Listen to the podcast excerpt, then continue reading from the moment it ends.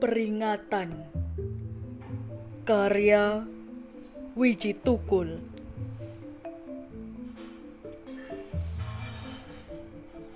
Jika rakyat pergi ketika penguasa pidato, kita harus hati-hati.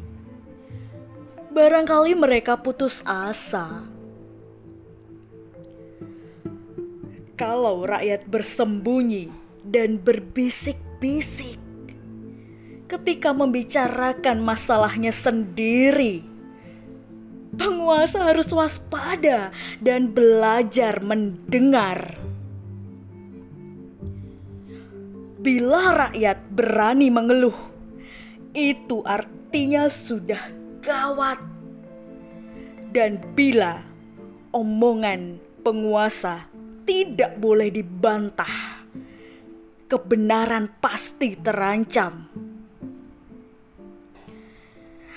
Apabila usul ditolak tanpa ditimbang, suara dibungkam, kritik dilarang tanpa alasan, dituduh subversif dan mengganggu keamanan, maka hanya ada satu kata: lawan.